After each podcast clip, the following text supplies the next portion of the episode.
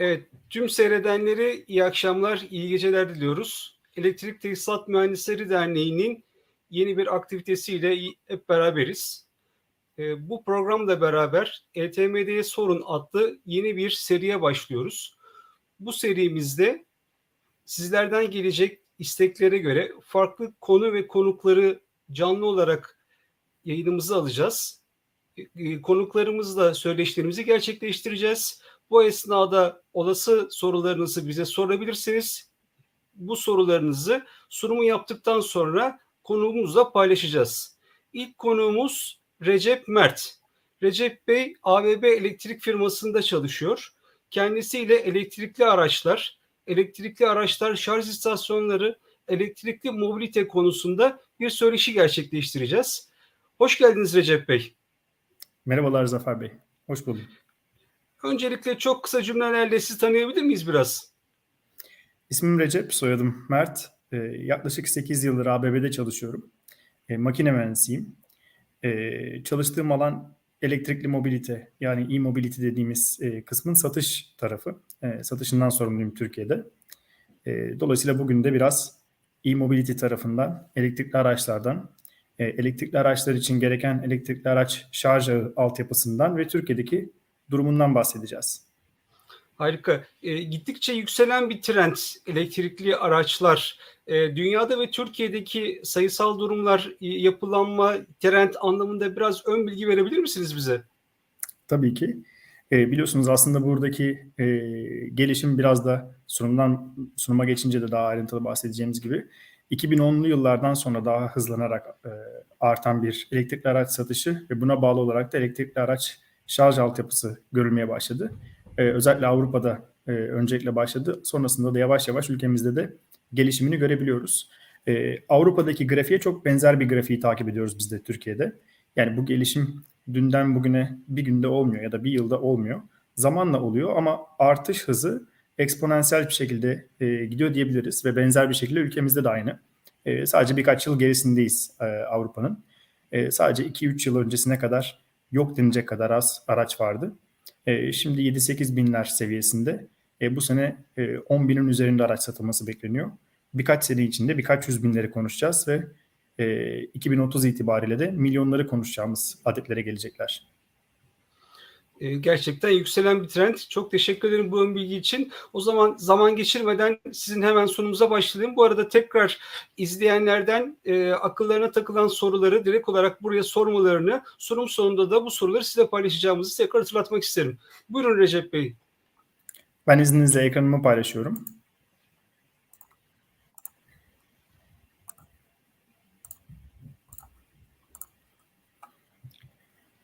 Dediğimiz gibi elektrikli araç şarj altyapısı aslında bugünkü ana konumuz.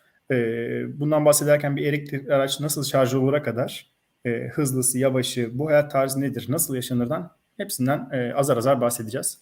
Öncelikle neden elektrikli e, araca geçiyoruz ondan bir bahsedelim. Bu tabii ki küresel ısınmanın da önemli bir sonucu. E, bildiğiniz gibi Paris İklim Anlaşması'nda gündeme gelen konu e, ve karbon emisyonunun büyük bir oranını yani 2 bölü 3'ünü ulaşım ve enerji üretimi sektörü neden oluyor. E, bu sektörlerdeki emisyon oranlarını azaltmanın bir yolu da özellikle ulaşım tarafında olabildiğince karbonu azaltıp e, yakıt içten yanmalı motorlu araçlar, e, yakıtlı araçlar yerine alternatif olarak farklı bir çözüm bulmaktı. Bu çözümler içinde birkaç aday var tabii ki. E, adaylardan biri biyoyakıt, bir diğeri hidrojen, e, bir diğeri ise elektrik.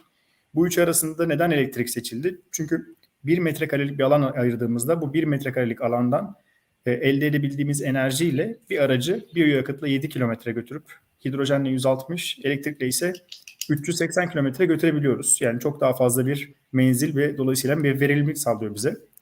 E, bu nedenle elektrik en mantıklı seçenek gibi görünüyor teknik olarak da. Peki ABB olarak biz ne yapıyoruz bu konuda? Aslında biz bu konuda A'dan Z'ye e, elektrikli araçların şarj, şarj altyapısında gerekli olan her türlü elektriksel çözümü ve özellikle şarj istasyonlarını yapıyoruz. Ve bütün bunları standartlara dayan, dayanarak yapıyoruz. E, şu anda aslında 85'in üzerinde 88 ülkede varız. E, bütün cihazlarımız bulut bağlantılı, uzaktan erişebilir cihazlar. Hepsi ABB'nin kendi, kendi fabrikalarında, kendi teknolojisiyle e, ABB üretim olarak e, üretilmekte. Çok kısa tarihinden bahsedelim. Ee, Zafer Bey aslında az önce de bahsettiğimiz gibi biraz 2010 yıllarından sonra artan ve hızlanmaya başlayan bir trend.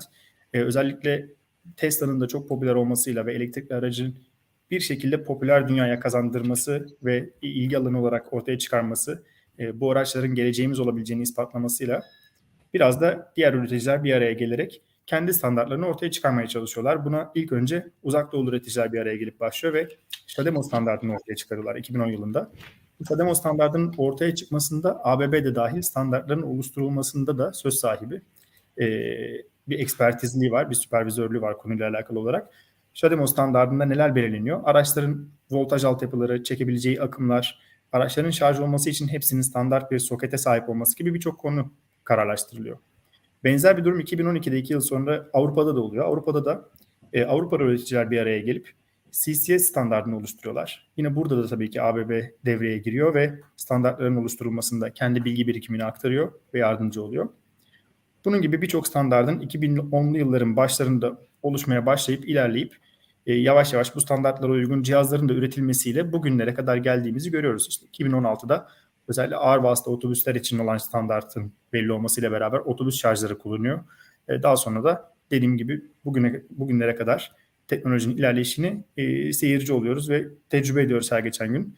E, 2010'dan beri de örnek vermek gerekirse sahada çalışan DC 50 kW gücündeki cihazlarımız mevcut ve bugün hala e, bugünkü standartlarda çalışmaya ve araçları şarj etmeye devam ediyorlar.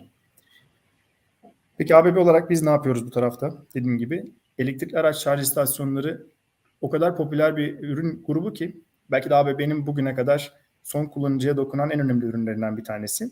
Ee, daha çok B2B çalışmaya ya da B2G çalışmaya yani e, devlete satmaya, ülkeye satmaya alışık bir ABB gibi şirketin son kullanıcıya satmaya başladığı bir cihaz olduğu için e, son kullanıcı daha çok bu ürünlerle popüler oldu ya da ABB'yi duydu diyebiliriz. Ama ABB bu, bu tarafta bu ürünlerin kullanılabileceği altyapısal olarak eksik olan her yerde ürünler ve çözümlerle e, destek verebiliyor altyapıya. Buna orta gerilim, alçak gerilim, hücreler, panolar, gerekli olan her türlü enerji altyapısı, yenilenebilir enerjiden desteklenme gibi e, akıllı çözümler, dijital çözümler sunabiliyor. Bu tarafta peki global bir oyuncu olmanın önemi nedir? ABB'yi güçlü kılan nedir diye soracak olursanız. Aslında burada çok büyük bir e, güç var ve çok büyük bir işbirliği var. Elektrikli araç şarj istasyonları aslında araçlarla birbirlerini tamamlayan iki ürünler. Dolayısıyla araçlarla çok uyum içerisinde ve sağlıklı, güvenli çalışıyor olması çok önemli.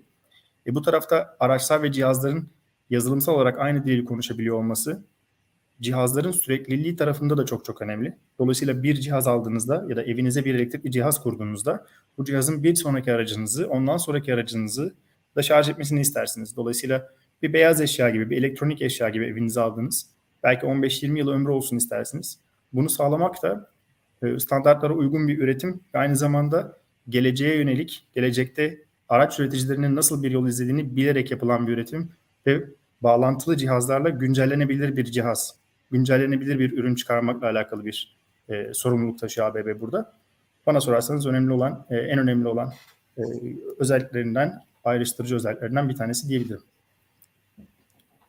Konuya yine e, verdiği önemi birçok e, organizasyona veya işte e, tanıtıma verdiği desteklerle, sponsorluklarla da e, gösteriyor ABB. Bu tarafta Formula 1'in özellikle gün, günlük kullandığımız araçlara birçok teknolojiyi getiren Formula 1'in elektrikli versiyonu Formula E'nin de ana sponsoru, isim sponsoru. Benzer şekilde Jaguar I-Pace'in de öyle. Bunlar dışında ABB'nin en büyük desteği aslında network operatörlerine de diyebiliriz. Şimdi bir network operatörü nedir? Çok kısaca ondan bahsedeyim. Tıpkı telekomünikasyondaki Turkcell, Vodafone gibi bildiğimiz şirketlerin e, baz istasyonu alarak ülkenin her yerine, haritanın her yerine baz istasyonu kurulumu yapıp bize servis sağladığı gibi bu tarafta da şarj istasyonu kurarak servis sağlayan operatörler, network operatörleri. Bunların en büyüklerinden bir tanesi Amerika'daki Electrify America. Ee, ya büyük destek sağlayıp ana ürün tedarikçisi görevini üstleniyor ABB. Çok benzer bir durum Avrupa'daki birçok kişinin de çok popüler olduğu, duyduğu e, Ionity network operatörünün de ana ürün tedarikçisi burada ABB. Peki gelin burada biraz bir elektrikli araç nasıl şarj olurdan bahsedelim. Bunu da biraz daha sonrasında günlük hayata ve popüler araçlara da bağlayalım. Şimdi elektrikli araçlar aslında bataryaya sahip araçlar oldukları için tıpkı cep telefonlarımız gibi ya da kalem pillerdeki gibi batarya altyapısı DC bir altyapıya sahip. Dolayısıyla günün sonunda bu bataryanın aslında DC olarak şarj olması lazım ama bizim şebekemiz ve erişime ulaştığımız, e, erişime sahip olduğumuz enerji AC olduğu için ve biz AC şarj etmek zorunda kalırsak diye çünkü DC bir şarj cihazı her yerde bulamayabiliriz. E, araçların hepsinin içerisinde bir onboard çevirici var. Bir nevi invertör var. AC-DC çevirici. Bu AC-DC çeviriciler de araçların içinde çok yer kaplamaması için, e, kolay arıza yapmaması için, ağırlık yapmaması için e, ya da aracı pahalılaştırmasın diye en basitçe limitli güçlerde. E, dolayısıyla tipik olarak bunlar 7.4 kW, 11 ya da 22 kW olabiliyorlar. Dolayısıyla bu aracın içerisindeki çeviricinin gücüne bağlı olarak araç dışarıdan gelen enerjiyi çevirip o güçte e, bataryaya depolayabiliyor.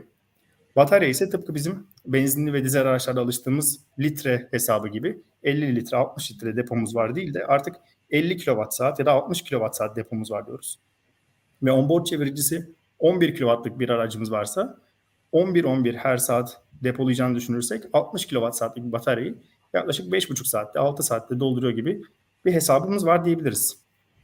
Şimdi DC tarafta ise biraz durumlar daha farklı. DC tarafta aracın tam istediğini, aracın ihtiyacı olan akımı verdiğiniz için araca orada çevirmeye uğraşmadığı için ne verirseniz rahatlıkla alabiliyor diyebiliyoruz ama tabii orada da bir üst sınır var. Oradaki üst sınırda aracın içerisinde dolanan kablolar, kabloların akım taşıma kapasiteleri, kesitleri ve aracın daha da önemlisi batarya voltaj altyapısına bağlı olarak, gerilim altyapısına bağlı olarak bir üst sınıra sahip oluyor araçlar ve bu üst sınıra e, bu üst sınırın altında bir şekilde bir hızla şarj olabiliyorlar. Tabii ki buradaki e, yine önemli bir etken BMS, bataryanın Battery Management System dediğimiz batarya yönetim sistemi kısmı.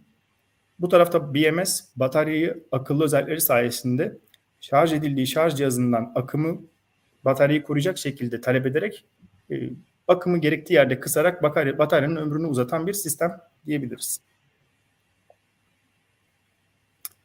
Peki nasıl soketler kullanıyoruz ya da bugün Türkiye'de çıktığımızda şarj cihazlarına baktığımızda nasıl soketlerle karşılaşıyoruz?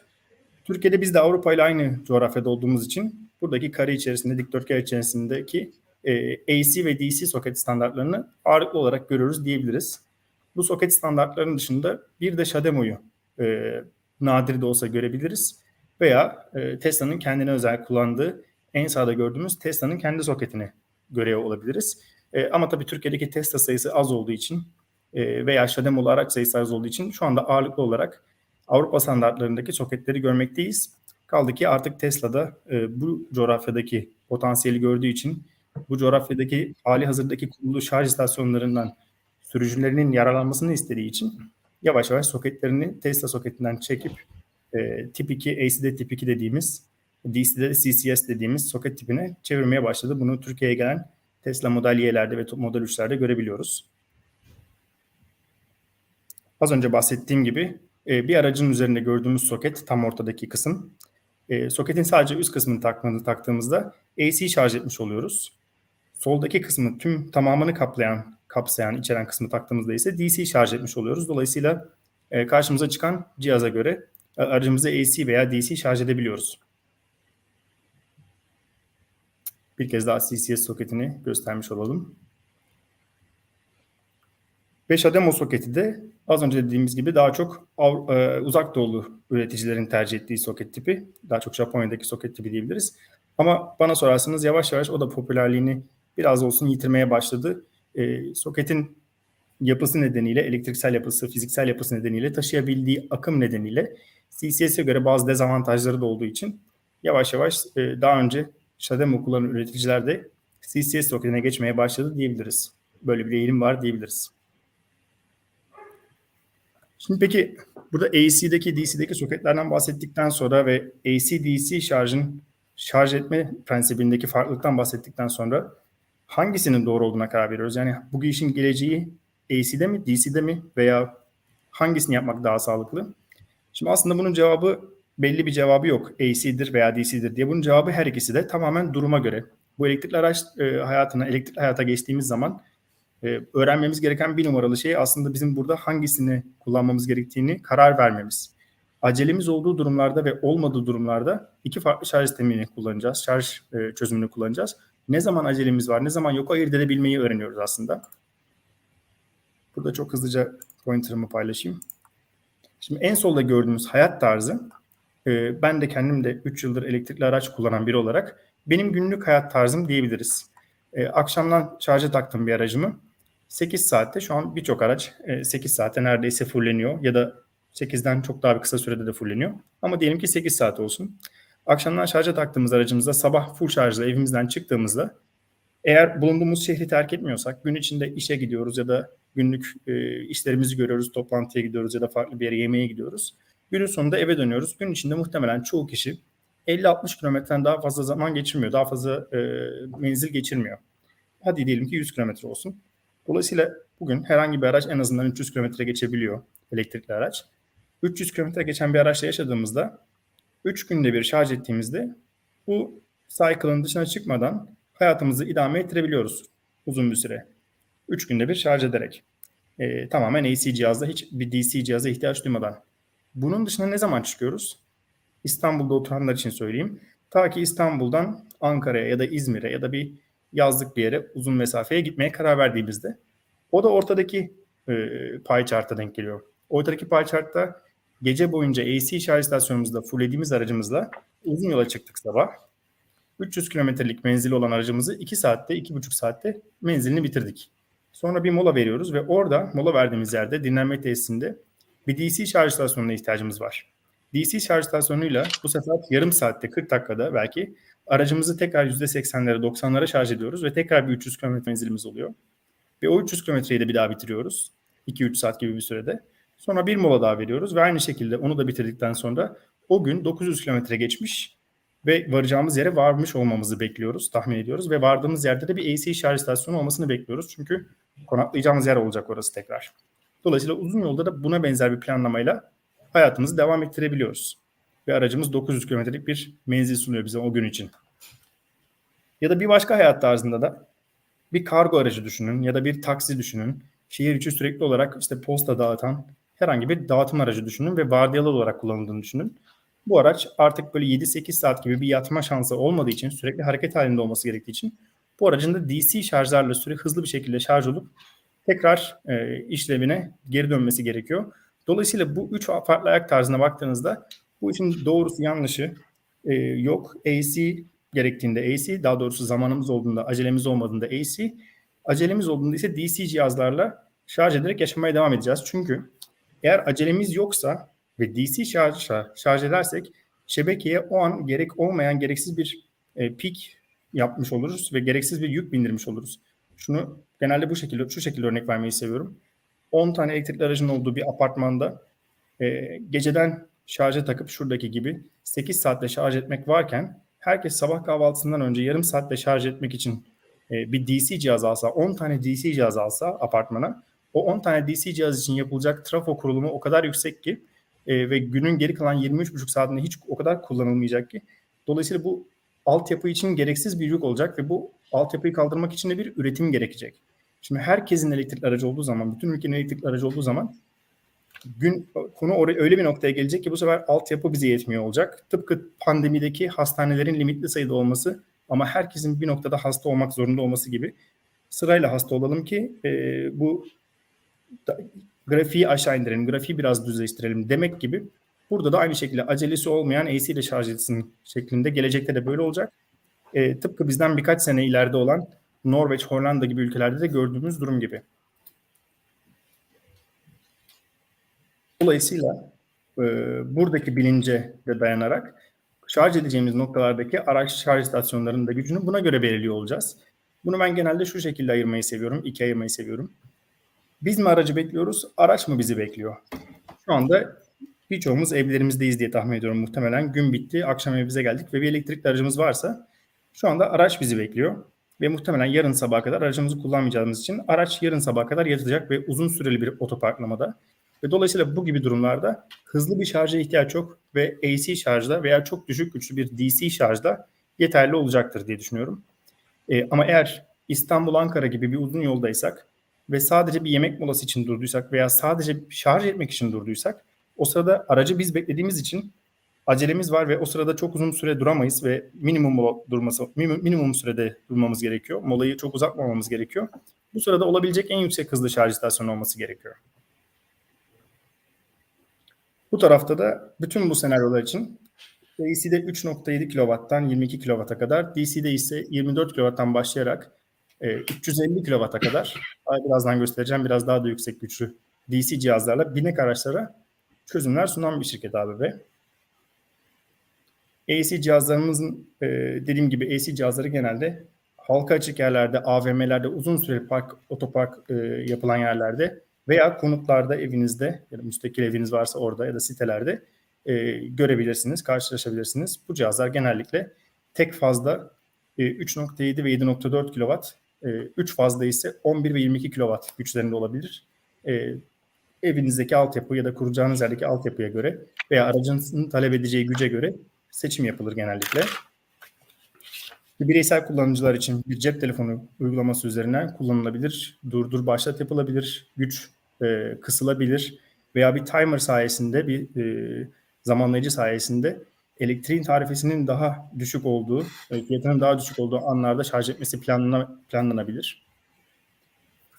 DC cihazlarda ise dediğim gibi e, cihaz ailesine bağlı olarak cihaz seçimleri yapılabilir. C- cihazın kurulacağı yerdeki altyapının izin verdiği güçlerde yapılabilir. Cihaz ailelerinin kendi içerisinde upgrade edilme, edilebilme özelliği sayesinde belki de ilk başlarda altyapının yeterli olduğu güç azsa ve sonradan yükseltilebiliyorsa cihaz da buna paralel olarak sonradan yükseltilebilir. Cihazın modeline e, bağlı olarak. Bir örneğini vermek gerekirse mesela Terra 24 ve 54 ailemizde e, 10'ar kilowattlık modüller sayesinde başta 20 kilowatt alınıp sonradan 50 kilowatt'a çıkarılabilir. Dörtler genelde bizim dördüncü jenerasyon diye adlandırdığımız e, cihazlar. Veya Terra 94, 124, 184 ailesinde de 30'ar kilowattlık e, modüllerle başta 90 kilowatt alınıp daha sonra altyapı yeterliyse 120'ye veya 180'e yükseltilebilir.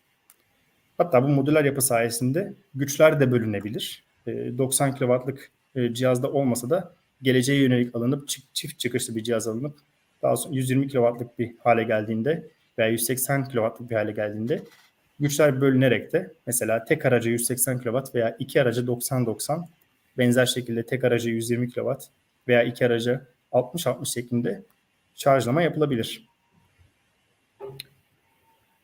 Veya yakında da e, tanıtımını yaptığımız ve duyurduğumuz şu anda binek araçlar için dünyanın en hızlı şarj cihazı olan Terra 360 alınabilir. Aynı anda 4 aracı şarj edebilen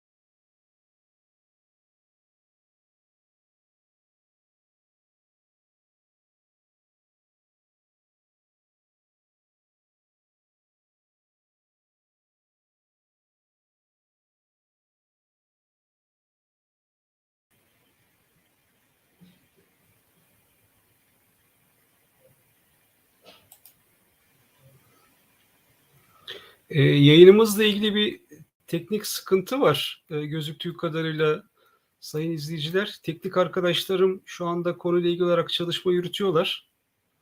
Tekrar bağlanmaya çalışıyoruz. E, gözüktüğü kadarıyla Recep Bey e, tekrar yayındayız. Evet bir kopukluk oldu. E, kaldığınız yerden devam etme şansınız var mı acaba? Tabii ki. Tabii ki. Benden mi oldu anlayamadım ama kusura bakmayın. Özür dilerim benden olduysa. Estağfurullah. Yok genel anlamda bir e, yayında problem çıktı gözüktüğü kadarıyla. Tekrar kaldığım yerden devam ediyorum. Lütfen.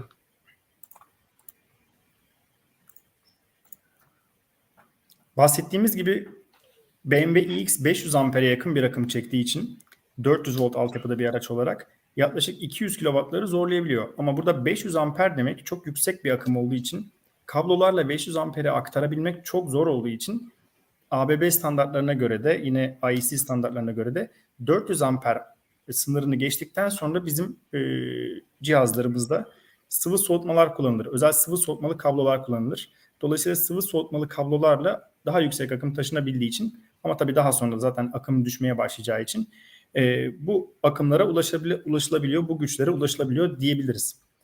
Ama yüksek akımlar çekerek bunu çözmek bir çözüm mü?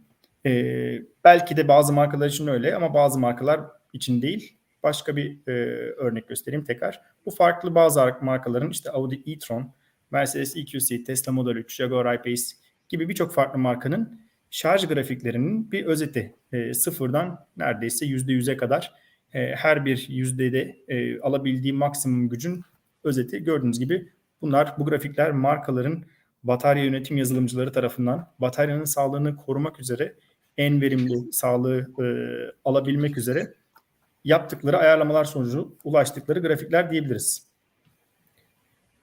Bir de Porsche Taycan'dan örnek vereyim. Porsche Taycan biraz daha farklı bir araç. Binek araçlar içerisinde biraz daha nadir, nadir bir araç. Diğer binek araçların 400 voltluk altyapılarına karşın Porsche Taycan'da 800 voltluk bir batarya altyapısı kullanılıyor. Şimdi bu ne anlama geliyor? E, 200 amper çekerek e, 400 voltta 80 kW'lık bir şarja ulaşan bir araç e, bir araçla aynı şekilde 200 amper çekerek Porsche Taycan 800 volt altyapısı sayesinde 160 kW'lara ulaşabiliyor. Dolayısıyla akımı çok zorlamadan, çok yüksek akıma gitmeden, daha doğrusu bu pratik hayatta ne anlama geliyor? Kabloları çok ısınmadan, bir termal kontrol sorunu çok fazla yaşamadan burada gördüğünüz gibi 270 amperle 270 kW'lara ulaşabiliyor araç şarjın başlarında. Daha sonra da tabii yazılım yine e, aracı ve bataryayı korumak için e, bunun gücünü kısıyor. Daha az, daha küçük bir güç tale, talep ediyor cihazdan. Tekrar kısıyor ve bir yere kadar şurada e, %70'lere yakın bir yere kadar bir 165-170 e, kilowattlarda şarj edip %70'lerden sonra daha da kısarak birazcık aracın gücünü e, şarjın gücünü kısarak aracın şarjını tamamlıyor. Ama e, 800 voltluk bir altyapı en başlarda çok hızlı bir şekilde %50'lere %60'lara gelmesini sağladığı için aracı zorlamadan tekrar e, yola çıkmamızı sağlayabiliyor. Bu eğilimde yavaş yavaş bazı üreticilerin gittiğini görebiliriz. E, yüksek voltajlı altyapıların aracın hem şarjını hızlandırdığı, kolaylaştırdığı, aynı zamanda da termal kontrolü yani ısınma gibi sorunların önüne geçtiği için e, pratik bulunuyor. Ancak tabii yüksek voltaj demek aynı zamanda çok dikkatli olunması gereken bir izolasyon mühendisliği demek. E, o tarafta da bu mühendislik ve bu kullanılan malzemeler biraz da aracın fiyatını da arttırıyor olabilir. Peki bu otobüsler dünyasında nasıl? Otobüsler dünyasında da ya da ağır vasıtalar dünyasında da tabii ki yüksek voltajlı bataryalar kullanılıyor ki şarjlar hızlı olsun ama bazen bunlardan bu bahsettiğimiz 360 kW'lardan da yüksek şarjlar gerekebiliyor. Dolayısıyla otobüslerde e, soketli yani CCS'li şarjın dışında aynı zamanda pantograf dediğimiz o, otobüsün üzerinden yapılan ve e, hızlı şarj eden çözümler de var. CCS'li çözümlerde genelde gece parklamaları siyasında yapılan çözümler ve uzun süreli e, dediğimiz çözümler, garaj şarj dediğimiz çözümler 6-8 saat e, süre gibi gibi sürelerde e, bir otobüsü şarj edip e, ertesi gün tekrar o günkü işlevini görmesini sağlayacak şekilde hazır hale getirebiliyor. Veya pantograflı ya da bizim İngilizce'de opportunity charge dediğimiz şarj çözümleri duraklarda insanların iniş biniş süresinde e, yaklaşık 3-6 dakikada tekrar aracı şarj edip e, bir sonraki durağa ya da 2-3 sonraki durağa kadar götürecek kadar enerji ya da menzil depolamasını sağlayabiliyor. Bu taraftaki çözümlerimizi de e, göstermek gerekirse 24 kW'tan başlıyor. Genelde bu 24 kW'lık cihaz e, otobüsler için testlerde ve daha e, farklı ya da bütün gece yapılacak olan e, şarjlarda kullanılır. Ama burada verim, ver, verim vermek istediğimiz mesaj şu. 24 kW'lık cihazımız dahi yüksek voltaj araçları şarj edebilen cihazlar. Yani 920 volta kadar destekleyen cihazlar ki birçok ağır vasıtanın da e, yaklaşık 600-800 volt altyapısında olduğunu düşünürsek hepsi için yeterli, hepsine hizmet verebilen cihazlar. Yine e, pantograflı cihazlarımıza baktığımızda da pantograf up veya pantograf down dediğimiz iki farklı şekilde yani mekanizmanın, hareketli mekanizmanın e, direkte olup otobüs geldiğinde aşağı doğru hareket edip otobüse değdiği veya otobüs üzerine entegre olup yukarı kalkarak pantografa değdiği, e, direğe değdiği mekanizma olarak ikiye ayrılıyor. Bunun seçimine genelde belediyedeki ihaleye açılan otobüsün rotası, o rotadaki otobüs sayısının mı veya durak sayısının mı daha fazla olduğu, hangi sözümün daha ekonomik olacağı gibi bir bakış açısıyla genelde karar verilebiliyor. Ve bu tarafta enerji depolama sistemlerinde de bahsedecek olursak e, en son olarak e, kısaca özetlemem gerekirse bu enerji şirketlerinin, e, enerji dağıtım şirketlerinin çok ilgisini çeken bir konu. Genelde enerji dağıtım şirketleri kendilerini geleceğin bankası olarak enerjiyi de e, bir para olarak, nakit olarak gördükleri için aslında araçları da hareket eden kumbaralar gibi görüyorlar ve herkesin aracındaki enerjiye de talipler. Bu şu anlama geliyor. Az önce bahsettiğim AC-DC konusunun AC veya DC şarjın nasıl seçilmesi gerektiğine karar vermek gibi, acelemiz yoksa AC şarj etmemiz gerektiği gibi e, bir ülkenin e, ya da bir bölgenin bir enerji talebi olur. Bir grafiği olur. S şeklindedir. Yani bir yerde günün bir noktasında peak olur talep. Bir noktasında da minimuma düşer. Dolayısıyla bu minimumla peak arasındaki farkı ne kadar minimize edersek o kadar daha verimli bir kurulu güce gere- ihtiyaç olur. Çok büyük bir fark olursa yüksek bir kurulu güç olup e, günün büyük bir kısmı o kurulu gücü neredeyse kullanmıyoruz anlamına gelir. Dolayısıyla kurulu gücü minimize etmek için peakler sırasında e, belki de şöyle e, ABB'nin de bidirectional cihazlarıyla yani vehicle to grid ya da vehicle to X cihazlarıyla aracınızda bulunan, bataryada bulunan enerjiyi geri basarak, şebekeye geri basabilme e, yöntemiyle ihtiyacınız olmadığında bataryanızdaki bekleyen enerjiyi geri basarak şebekeye yardımcı oluyorsunuz. E, o sırada şebeke herkesin elektrikli araçlıya, aracı döndüğü bir gün, o günden bahsediyorum. Hepimizin yardımına ihtiyacı olacak. Burada e, çatı GES'lerimizden de e, güneş enerji sistemlerimiz, solar panellerimizden elde ettiğimiz enerjimizde de veya kullanmadığımız aracımızdaki bataryadaki enerjiye de ihtiyacı olacak. Dolayısıyla araçlarımızı kullanmıyorken şarja takılı olacak. Biz cep telefonlarımızdan o sırada enerji pahalı mı yoksa ucuz mu görüyor olacağız, izleyebiliyor olacağız canlı şekilde tıpkı dövizi izler gibi ve gerektiğinde al sat yapıyor olacağız. Kullanmasak bile. E, dolayısıyla e, bu da bizim kurulu gücümüzü ya da işte kurulması gereken santrallerdeki e, gücü azaltarak enerji verimliliğine katkına bulunan bir durum haline gelecek ve e, enerjisini kullanmayan biri e, mesela o tatile gittiniz ve aracınızı evinizde bıraktınız, otoparkınızda bıraktınız. E, bankanızda bekleyen, değer kaybeden e, Türk lirasındaki e, paranız gibi olacak. Bunu kullanmak isteyeceksiniz diyebiliriz. E, şimdilik bu taraftan kısaca bir fikir vermiş olayım gelecekle ilgili de. E, varsa dinleyicilerimizin sorularını alabiliriz diyeyim. Ee, Recep Bey teşekkürler. Dinleyicilerimizden gelen, izleyicilerimizden gelen sorular var. Ben biraz onları paylaşmak istiyorum. Ee, sanırım görüyorsunuz Ercüment Bey sormuş. DC veya AC charge olma durumunda ev charger cihazında aracın bataryasına charge seviyesi izlenebiliyor mu? Ee, evet, DC şarj durumundayken izlenebiliyor. AC şarjdayken izlenemiyor.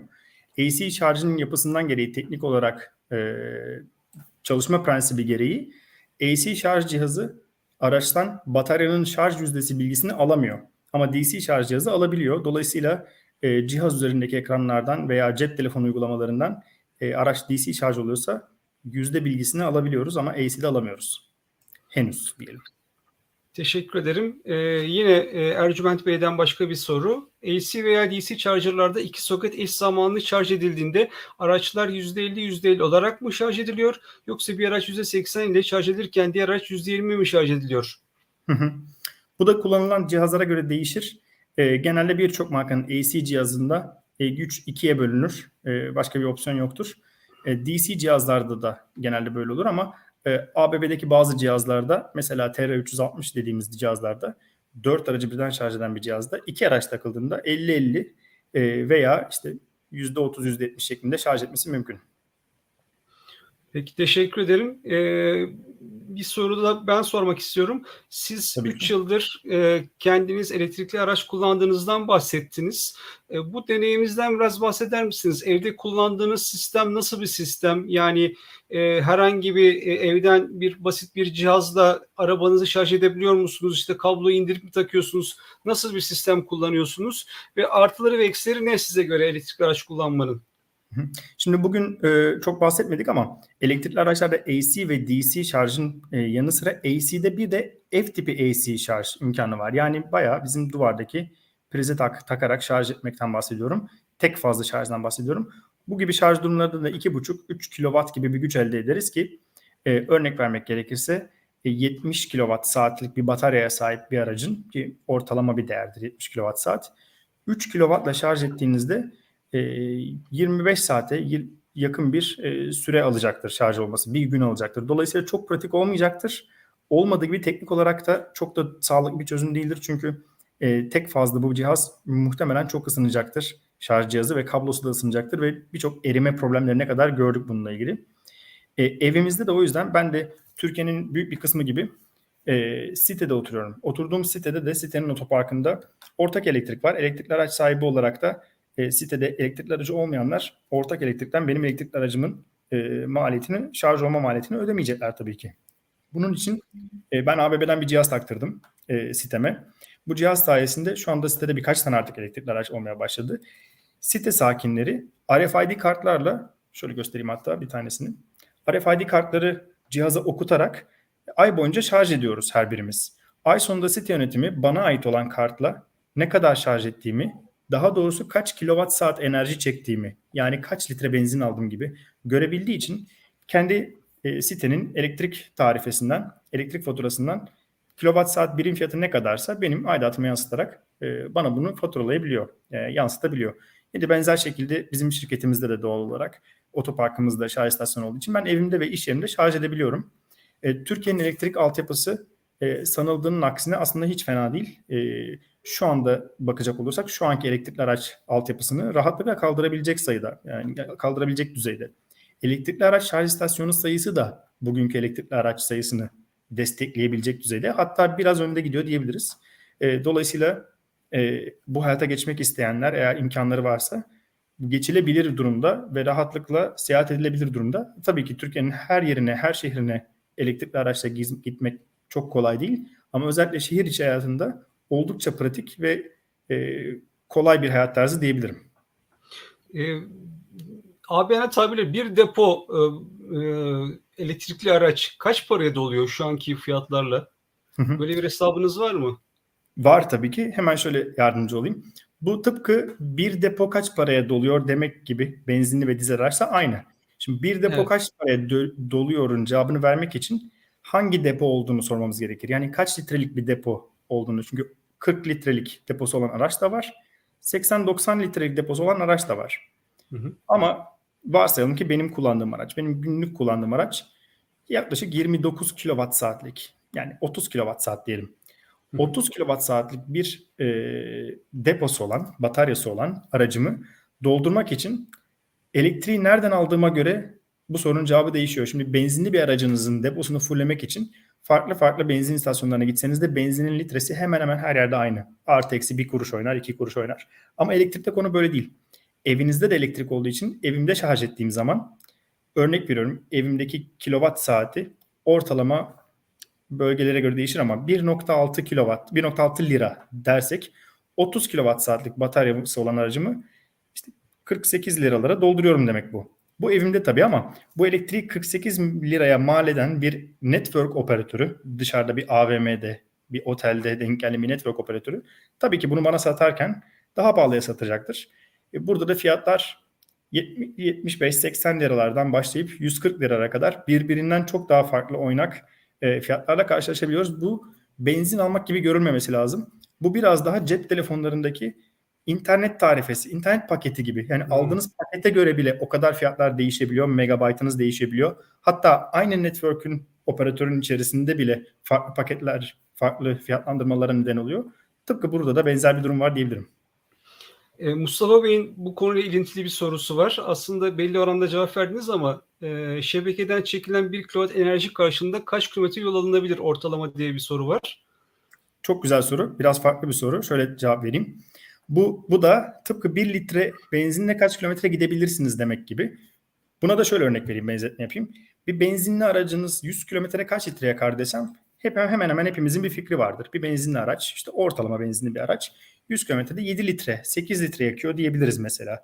Tıpkı bunun gibi 100 kilometrede kaç litre yakıyor değil de 100 kilometrede kaç kilowatt saat yakıyor diye bir hesap var elektrikli araçlarda da. Örnek vermek gerekirse az yakan bir elektrikli araç 100 kilometrede 13-14 kilowatt saat yakar.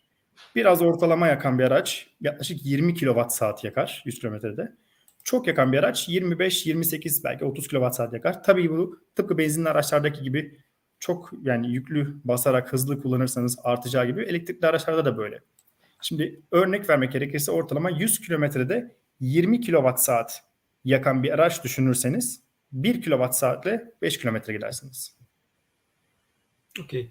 Ee, bir e, izleyicilerimizden Fatih Bey bir 8 kilometre gibi bir e, cevap vermiş. Herhalde e, kendi tecrübelerine dayanarak verdiği Biraz bir cevaptır diye. aracı vardır muhtemelen Fatih Bey. Evet, tahmin ettiğim üzere.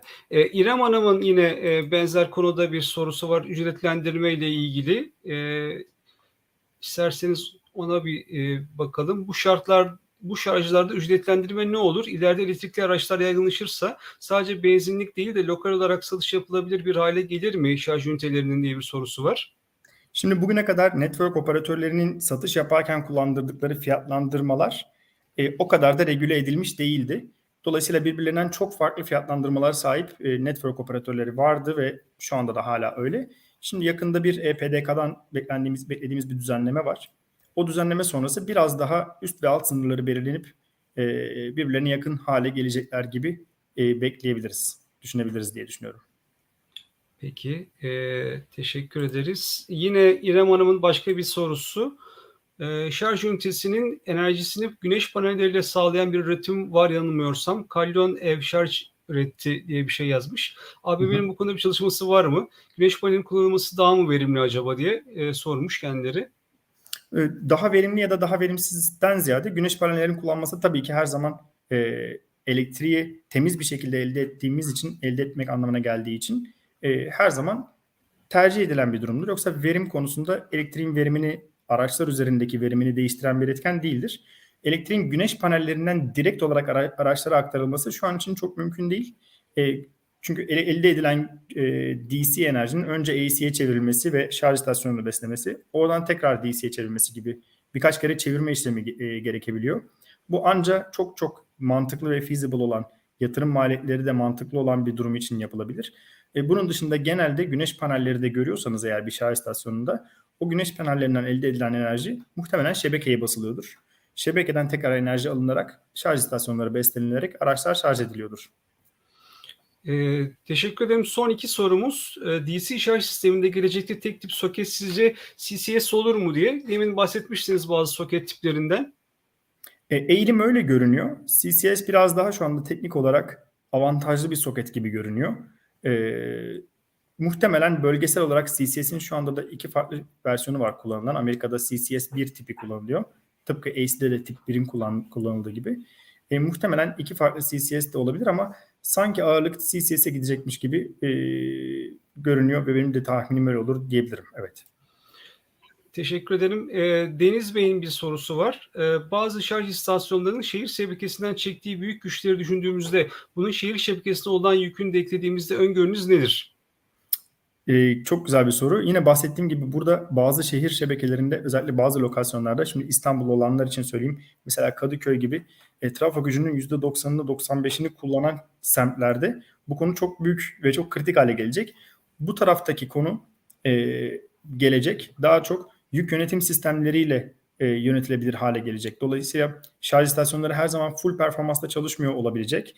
E, şebekeden geriye kalan güç ne kadarsa şebekeyle haberleşen cihazlar sırasında ki şu anda ABB'nin cihazları o şekilde AC cihazlarımızda geri kalan güç ne kadarsa bu güçle şarj ediyor olabilecek veya dediğim gibi e, acil olmayan durumlarda daha güç, düşük güçle şarj edip AC cihazları kullanarak e, şarj süresini uzatarak bir çözüm bulacağız ama bu herkesin alışması gereken bir hayat tarzı olacak diyeyim.